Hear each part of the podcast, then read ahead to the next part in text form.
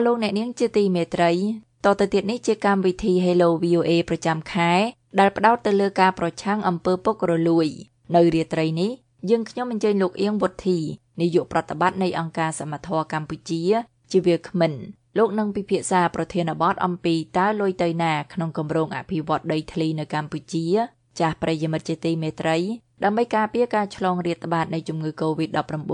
បុគ្គលិក VOA បានបដូរមកធ្វើការងារពីផ្ទះ ហើយយើងថតទុកកម្មវិធី Hello VOA នេះដូច្នេះយើងខ្ញុំមិនអាចទទួលការហៅចូលដើម្បីសួរជាសំណួររបស់ប្រិយមិត្តជាបណ្ដោះអាសន្នតទៅទៀតនេះសូមលោកអ្នកនាងស្ដាប់កម្មវិធី Hello VOA រវាងលោកសាយមនីដែលជាអ្នកសម្របសម្រួលកម្មវិធី Hello VOA នៅរាត្រីនេះជាមួយនឹងលោកអៀងវុធីដូចតទៅ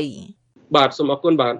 បាទសូមជម្រាបសួរលោកអៀងវុធីបាទបាទសូមជម្រាបសួរលោកមនីបាទ បាទសូមអរគុណលោកវុធីដែលបានចំណាយពេលអញ្ជើញចូលរួមនៅក្នុងកម្មវិធី Hello VOA របស់យើងនៅរាត្រីនេះបាទដោយដែលយើងបានជម្រាបជូនហើយថាថ្ងៃនេះយើងនឹងជជែកពិភាក្សាគ្នាអំពីថាតើលុយទៅណានៅក្នុងគម្រោងអភិវឌ្ឍដីធ្លីនៅក្នុងប្រទេសកម្ពុជាបាទដោយផ្ដោតសំខាន់ទៅលើខេត្តមួយចំនួនក្នុងនោះរួមមានខេត្តរតនគិរីហើយក្នុងខេត្តព្រះវិហារជាដើមបាទហើយយើងខ្ញុំសូមអធិស្ឋានលោកអ្នកនាងផងថាដោយសារតែយើងធ្វើការផ្សាយពីផ្ទះទៅក្នុងគ្រាដែលមានវិបត្តិផ្ទុះជំងឺ Covid-19 ដូច្នេះយើងមិនអាចអនុញ្ញាតជូនលោកអ្នកនាងនៅឱកាសសួរសំណួរមកកាន់វាគ្មិនរបស់យើងដោយផ្ទាល់បាននៅគ្រានេះបាទលោកវិធីកុំឲ្យខាត់ពេលយូរលោកអាចជម្រាបជូនលោកអ្នកស្ដាប់របស់យើងបន្តិចបានទេថាតើគម្រោងអភិវឌ្ឍដីធ្លីនៅក្នុងប្រទេសកម្ពុជាបាទជាពិសេសនៅក្នុងខេត្តរតនគិរីដែលមានក្រុមហ៊ុនពាក់ព័ន្ធវៀតណាមបាទក្រុមហ៊ុនហងអានយ៉ៃឡាយដែលយើងតែងតែលើកន្លងមកហ្នឹងហើយនឹងនៅតាមបណ្ដាខេត្តមួយចំនួនទៀតដែលលោកអាចជម្រាបបាន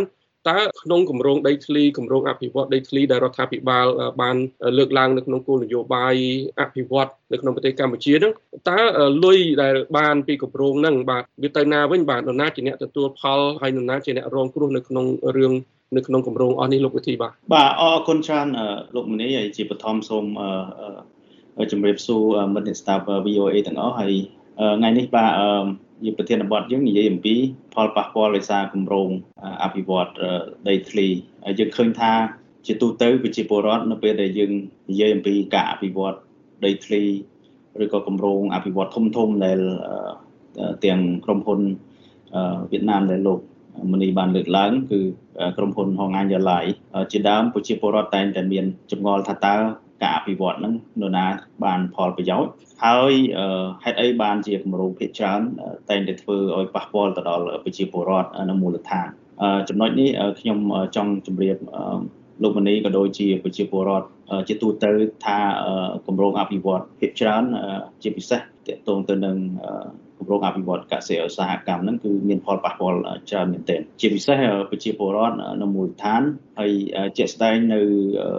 រតនគិរីដែលគម្រោងអភិវឌ្ឍចំការកៅស៊ូរបស់ក្រុមហ៊ុនវៀតណាម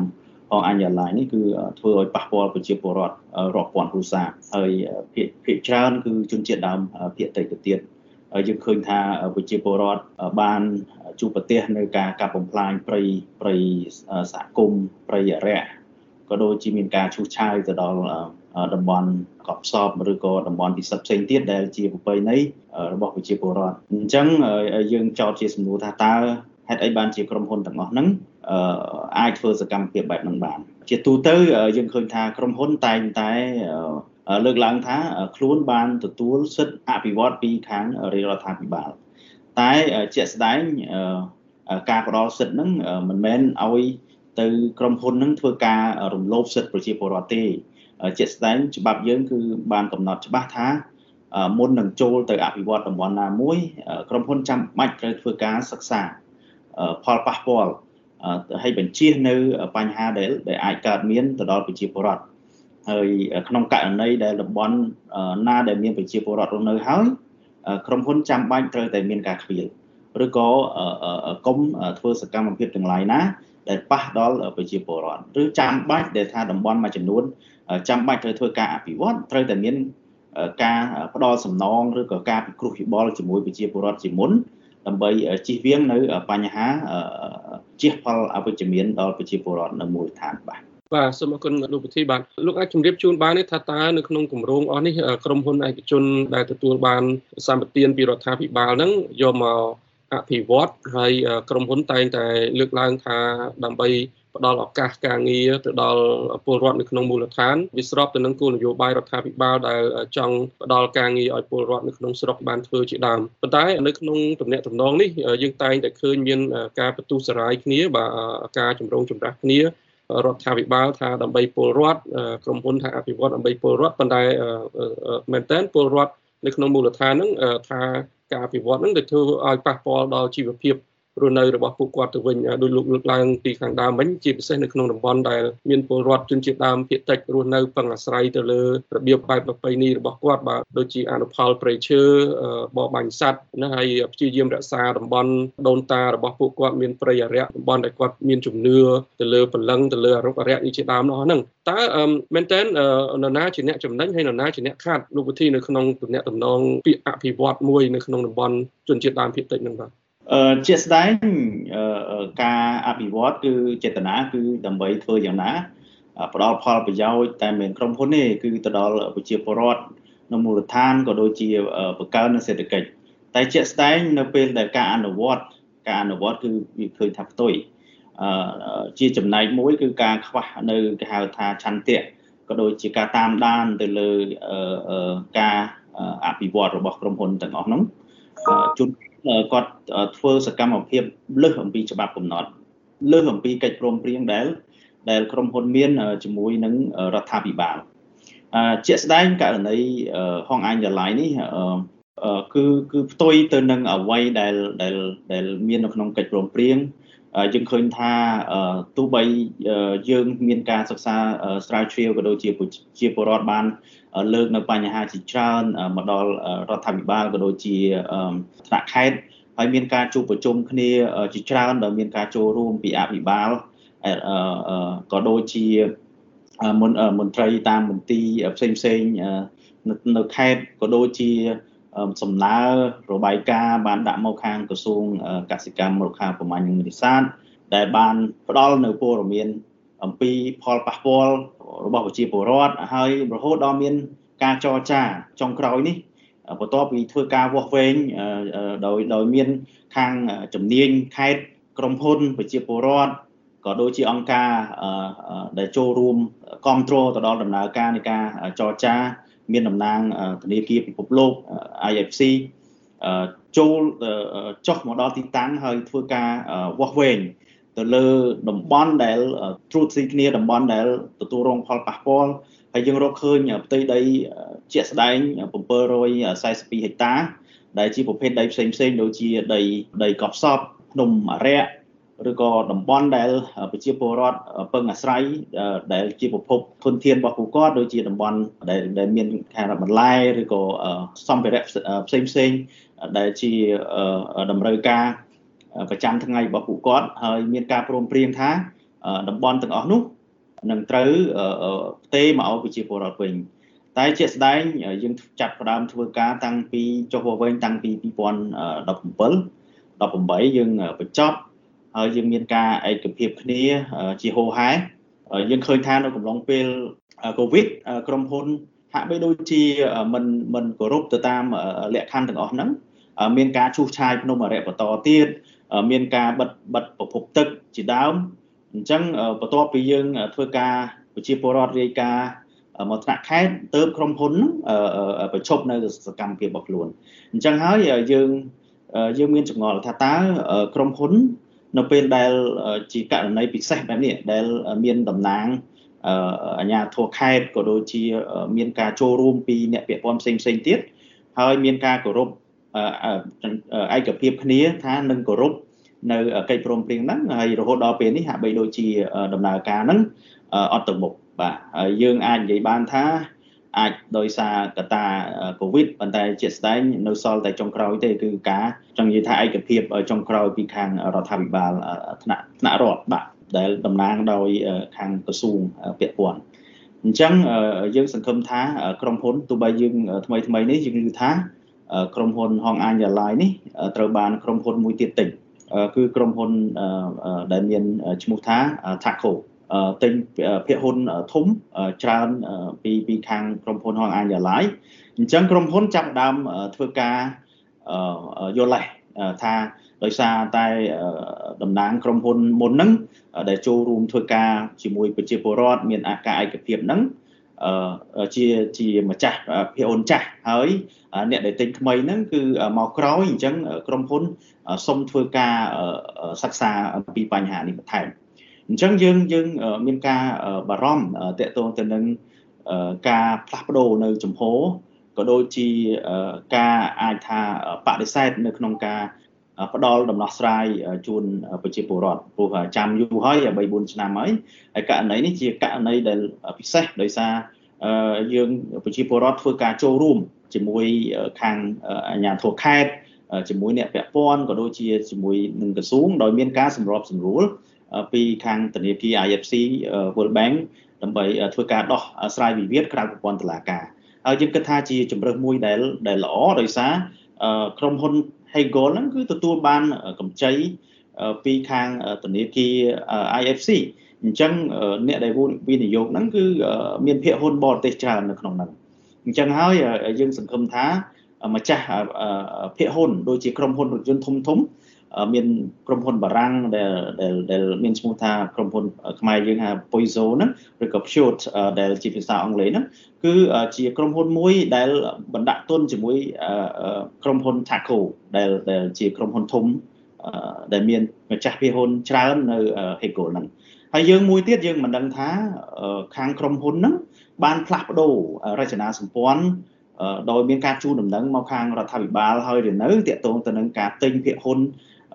ពីក្រុមហ៊ុន Hegel ដែលក្រុមដែលដែលដូររចនាសម្ព័ន្ធប្រធានឬក៏គណៈគ្រប់គ្រងរបស់ក្រុមហ៊ុនហ្នឹងអញ្ចឹងយើងយើងយើងចង់ដឹងថាតើដំណើរការហ្នឹងមានការផ្លាស់ប្ដូរបែបហ្នឹងអញ្ចឹងវាអាចជាអតិពលទៅដល់ប្រជាពលរដ្ឋដែលកំពុងតែរងចាំដំណោះស្រាយដែរឬទេបាទបាទសូមអរគុណលោកវិធីបាទខ្ញុំចង់ជម្រាបជូនលោកអ្នកស្ដាប់បន្តិចថាក្នុងបញ្ហាទំនាស់ដីធ្លីរវាងជនជាតិដើមភាគតិចបាទនៅក្នុងខេត្តរតនគិរីជាមួយក្រុមហ៊ុន វៀតណាមនេះបាទ VOA យើងក៏ព្យាយាមតាក់ទងពីខាងតំណាងក្រុមហ៊ុនវៀតណាមដើម្បីធ្វើការឆ្លើយបំភ្លឺបាទប៉ុន្តែរហូតដល់ពេលនេះយើងមិនអាចទទួលបានចម្លើយពីខាងក្រុមហ៊ុនវៀតណាម នៅឡើយទេបាទហើយខ្ញុំចង់ជំរាបជូនថាទំនាស់ដីធ្លីនេះបាទពាក់ព័ន្ធជាមួយនឹងពលរដ្ឋនៅក្នុងសហគមន៍ជនជាតិដើមភាគតិចហ្នឹងចំនួន12សហគមន៍បាទហើយទំហំដីដែលក្រុមហ៊ុនទទួលបានសម្បទានពីរដ្ឋាភិបាលនោះមានទៅដល់ជាង50000ហិកតាហើយបើតាមច្បាប់នៅក្នុងប្រទេសកម្ពុជាចំនួននេះលើសចំនួនដែល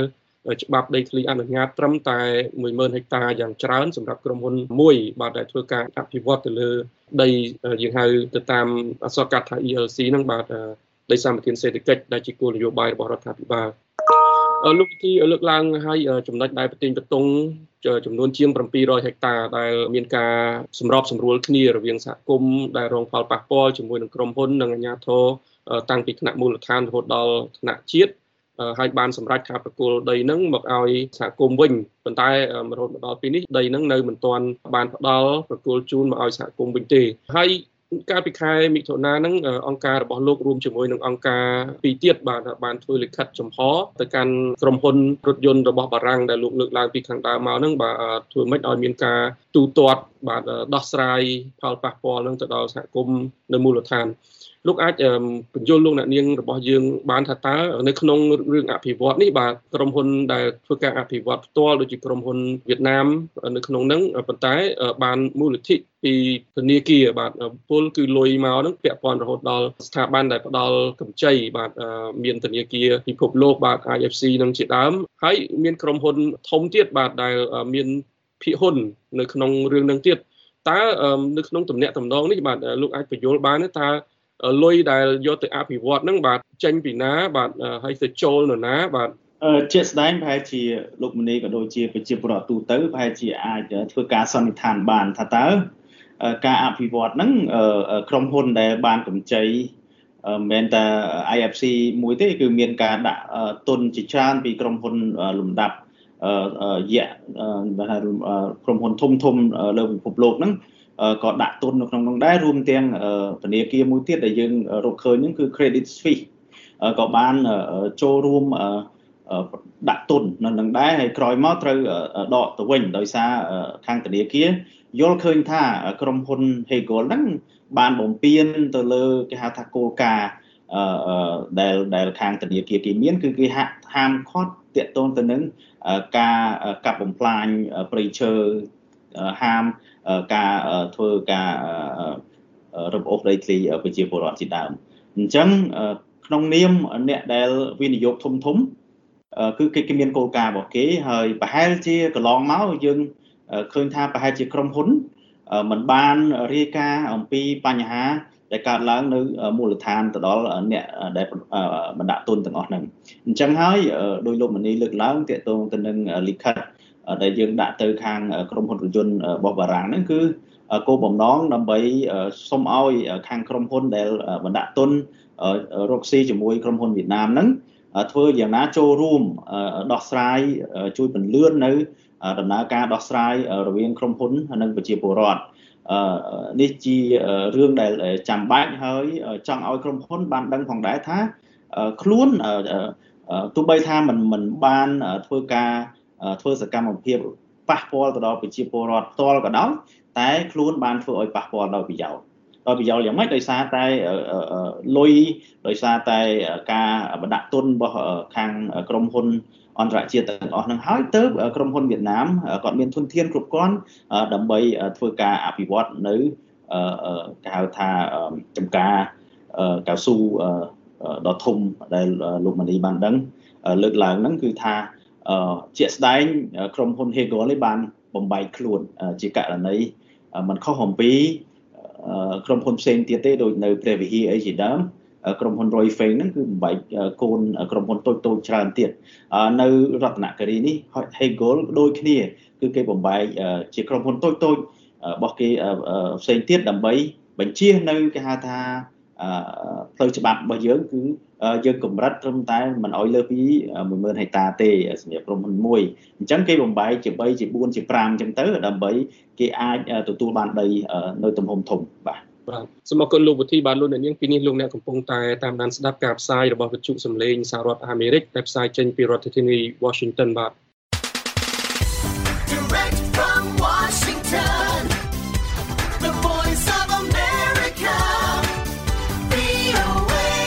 បាទពេលនេះយើងកំពុងតែជជែកពិភាក្សាគ្នា អំពីការដែលថាតើលុយនៅក្នុងគម្រោងអភិវឌ្ឍហ្នឹងទៅណាបាទនៅក្នុងផែនការអភិវឌ្ឍដីធ្លីនៅក្នុងប្រទេសកម្ពុជាបាទដែលផ្ដោតសំខាន់ទៅលើខេត្តរតនគិរីដែលមានក្រុមហ៊ុនវិនិយោគជាពិសេសក្រុមហ៊ុនវៀតណាមឈ្មោះហងអញយ៉ៃឡាយហើយនិងឧបសម្ព័ន្ធមួយចំនួនទៀតរបស់ក្រុមហ៊ុននេះដោយដែលវាគ្មិនរបស់យើងបានជម្រាបជូនស្រាប់បាទហើយវាគ្មិនរបស់យើងនៅរាត្រីនេះគឺលោកអៀងវុធី ជានាយកប្រតិបត្តិនៃអង្គការសមត្ថៈកម្ពុជាបាទដែលអង្គការរបស់លោករួមជាមួយនឹងអង្គការពាក់ព័ន្ធមួយចំនួនទៀតបានធ្វើការតស៊ូមតិជាមួយនឹងក្រុមហ៊ុននិងអាជ្ញាធរមូលដ្ឋានក៏ដូចជាអាជ្ញាធរថ្នាក់ជាតិដើម្បីព្យាយាមស្វែងរកដំណោះស្រាយជូនដល់សហគមន៍ជាពិសេសសហគមន៍ជនជាតិដើមភាគតិចដែលរងផលប៉ះពាល់ដោយសារគម្រោងដីធ្លីនៅក្នុងតំបន់របស់ពួកគេនោះបាទហើយយើងខ្ញុំសូមអធិស្ឋានលោកអ្នកនាងផងដែលយើងមិនអាចអនុញ្ញាតជូនលោកអ្នកនាងនៅឱកាសសួរសំណួរមកកាន់វាគ្មិនរបស់យើងបាន ដោយសារតែយើងធ្វើការផ្សាយពីផ្ទះទៅក្នុងពេលដែលមានវិបត្តិជំងឺ Covid-19 នៅពេលនេះបាទលោកវិធីលោកលើកឡើងអំពីទំនាក់ទំនងរវាងផលប្រយោជន៍បាទថាតើពលរដ្ឋអាចពិចារណាបានតលុយនៅក្នុងគម្រោងអភិវឌ្ឍហ្នឹងវាទៅណានៅពេលដែលភាគីដែលពាក់ព័ន្ធហ្នឹងមិនត្រឹម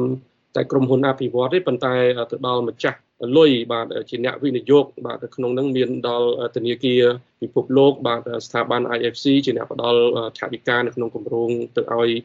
ធនាគារហើយធនាគារហ្នឹងផ្ដល់លុយទៅឲ្យក្រុមហ៊ុនធ្វើការអភិវឌ្ឍប៉ុន្តែមានភាគីពាក់ព័ន្ធទៅដល់ក្រុមហ៊ុនផ្សេងទៀតនៅទ្វីបអឺរ៉ុបហ្នឹងបាទក្រុមហ៊ុនបារាំងអីជាដើមហ្នឹងលោកអាចបញ្យល់ថាតើក្នុងបរិបទប្រទេសកម្ពុជាដែលយើងត្រូវការទុនវិនិយោគ ពេលដែលមានក្រុមហ៊ុនមកវិនិយោគនឹងតើពលរដ្ឋពិតជាបានផលប្រយោជន៍ពីគម្រោងអភិវឌ្ឍនឹងទេហើយធ្វើម៉េចដើម្បីកុំឲ្យពលរដ្ឋនឹងคล้ายទៅជាកូនបំណុលទៅវិញបាទលោកពុទ្ធិបាទបាទជាក់ស្ដែងដូចខ្ញុំបានជម្រាបលោកមនីចេតនាគឺថាអញ្ចឹងមែនគឺដើម្បីផ្ដល់ផលប្រយោជន៍ទៅដល់ប្រជាពលរដ្ឋមែនតែឲ្យទៅទៅក្រុមហ៊ុនមួយទេក៏ដូចជារដ្ឋរបស់យើងដែរប្រទេសរបស់យើងដែរដើម្បីធ្វើការអភិវឌ្ឍសេដ្ឋកិច្ច តែអ្វីដែលដែលប្រជាពលរដ្ឋមូលដ្ឋានលើកឡើងគឺថាมันបានផលផលប្រយោជន៍ដល់ពួកគាត់ទេពួកគាត់អឺបើនិយាយពីការងារពួកគាត់មិនមិនមិនធ្វើការងារតែម្ដងតាក់ទងទៅនឹងការងារចំការកស៊ូនេះគឺតាមការសិក្សារបស់យើងទៅគឺប្រជាពលរដ្ឋជនជាតិដើមភាគតិចគឺគាត់អត់ធ្វើទេដោយសារទី1ការងារហ្នឹងវាលំបាកហើយការផ្ដល់ជាប្រាក់កម្រៃមកវិញវាតិច ហើយគាត់មិនមិនគាត់ថាគាត់មិនមិនមិនអាចធ្វើការងារឲ្យក្រុមហ៊ុនដែលយកដីរបស់ពួកគាត់ទេនេះជាអ្វីដែលគាត់លើកឡើងហើយភាគច្រើនតាមរយៈការប្រជុំជជែកជាមួយក្រុមហ៊ុនអីក្រុមហ៊ុនក៏បានលើកឡើងដែរថាក្រុមហ៊ុនមានការលំបាកនៅក្នុងការរកកម្មករពីតំបន់ហ្នឹង អញ្ចឹងប្រជាពលរដ្ឋមានមានការប្រជុំមួយរវាងសម្របសម្រួលរវាងក្រុមហ៊ុន មានខាងខេត្តហើយក៏ដូចជាតំណាងធនាគារមានប្រជាពលរដ្ឋហើយក្រុមហ៊ុនបានលើកជាសំណើហ្នឹងទៅប្រជាពលរដ្ឋហើយប្រជាប្រជាពលរដ្ឋក៏ឆ្លើយមកវិញនៅនៅចំពោះមុខក្រុមហ៊ុនគាត់ថាគាត់មិនមិនអាចធ្វើការឲ្យក្រុមហ៊ុនបានទេដោយសារគាត់មានអារម្មណ៍ថាគាត់ឈឺចាប់ នៅពេលដែលធ្វើការទៅលើនៅលើដីរបស់ពួកគាត់នេះអ្វីដែលគាត់លើកឡើងហើយកម្រៃដែលដែលទទួលបានហ្នឹងគឺវាវាវាតិចហើយគាត់លើកឡើងថាគាត់អត់ចេះធ្វើការតាមម៉ោងតាមពេលវេលាដោយក្រុមហ៊ុនកំណត់ថាគាត់ត្រូវតែមកដល់ម៉ោង8គាត់ត្រូវឈប់ម៉ោងប្រហែលគឺក៏អត់ទេប្រពៃណីរបស់ពួកគាត់គឺថានៅពេលណាដែលគាត់ត្រូវទៅគាត់ទៅ ពេលណាគាត់ធ្វើគាត់ធ្វើពេលណាគាត់ហត់គាត់សម្រាកនេះអ្វីដែលគាត់និយាយមូលហេតុមានច្រើនទៀតដែលគាត់គិតថាគាត់មិនអាចធ្វើការឲ្យក្រុមហ៊ុនទេអឺដោយឡែកនៅក្នុងរបាយការណ៍មួយដែលយើងសិក្សាតាក់ទងទៅនឹងប្រៃឈើអឺមិនត្រឹមតែដីទេបើយើងមើលពី satellite អឺ មុនក្រុមហ៊ុនមកហើយនឹងក្រោយក្រុមហ៊ុនចូលគឺថាមានមានការប្រែប្រួលខ្លាំងមែនទែនតំបន់ដែលក្រុមហ៊ុនធ្វើការអភិវឌ្ឍហ្នឹងពីតំបន់ដែលយើងថតមកហ្នឹងឃើញថាបៃតងមកវាលបាទមកមកមកឃើញតែតែដីអានេះហើយគឺជាបញ្ហាដែលដែលប្រជាពលរដ្ឋនៅមូលដ្ឋានគាត់ប្រឈមយើងអាចយើងយើងយើង យើងធ្លាប់ឮយើងធ្លាប់ឃើញការដឹកឈើដឹកអីឆ្លងព្រំដែនប៉ុន្តែយើងមិនដឹងថាអ្នកណាជាអ្នកដែលទទួលបានផលចំណេញអំពីការលក់ឈើទាំងអស់នោះទេអាចជាក្រុមហ៊ុនអាចជាអ្នកដែលពាក់ព័ន្ធនៅក្នុងដំណើរការអាជីវកម្មទាំងអស់ហ្នឹងប៉ុន្តែអ្វីដែលប្រជាពលរដ្ឋប្រឈមជាក់ស្ដែងគឺគាត់ថាព្រៃឈើរបស់ពួកគាត់ព្រៃសហគមន៍រហូតដល់ព្រៃអរិយរបស់គាត់ទៀតត្រូវបានក្រុមហ៊ុនកាប់បំផ្លាញ ហើយពេលដែលប្រជាពលរដ្ឋទៅតវ៉ាហ្នឹងគឺមានការប្រឈមដាក់គ្នាអីកន្លងមកមុនពេលដែលមានការសម្របសម្រួលរវាងអ្នកពាក់ព័ន្ធដោយខាងធនាគារ IFC ក៏ដូចមានការចូលរួមអន្តរាគមពីអាជ្ញាធរថ្នាក់ខេត្តហើយថ្មីថ្មីនេះយើងឃើញថាក៏មានការចូលរួមយ៉ាងសកម្មហើយយើងសូមកោតសរសើរដែរនៅ ការអន្តរាគមពីខាងថ្នាក់ខេត្តនៅពេលដែលក្រុមហ៊ុនធ្វើការឈូសនៅភ្នំអរិយក៏ដូចជាបិទទប់នៅបឹងនៅអូដែលដែលគាត់អាស្រ័យផលឬក៏ប្រើប្រាស់ប្រចាំថ្ងៃរបស់ពួកគាត់បាទសូមអរគុណច្រើនមែនទែនលោកពុទ្ធីបាទដោយសារពេលវេលាយើងអស់ទៅហើយដូច្នេះខ្ញុំសូមបញ្ចប់កម្មវិធី Hello VA របស់យើងតែត្រឹមនេះបាទនិងសូមអរគុណលោកអ្នកនាងដែលបានចូលរួមតាមដានស្ដាប់តាំងពីដើមរហូតមកបាទ បើលោកអ្នកនាងខកខានឬក៏ចង់ចូលស្ដាប់ឡើងវិញបាទសូមចូលទៅកាន់គេហទំព័ររបស់យើងគឺ khmer.voanews.com បាទសម្រាប់ពេលនេះខ្ញុំសាយមនីអ្នកសម្របសម្រួលកម្មវិធី Hello VOA នៅរាត្រីនេះសូមអរគុណលោកអ្នកនាងនិងលោកវុធីទៅត្រឹមនេះបាទសូមជម្រាបលាបាទបាទអរគុណហើយសូមជម្រាបលាលោកអ្នកស្ដាប់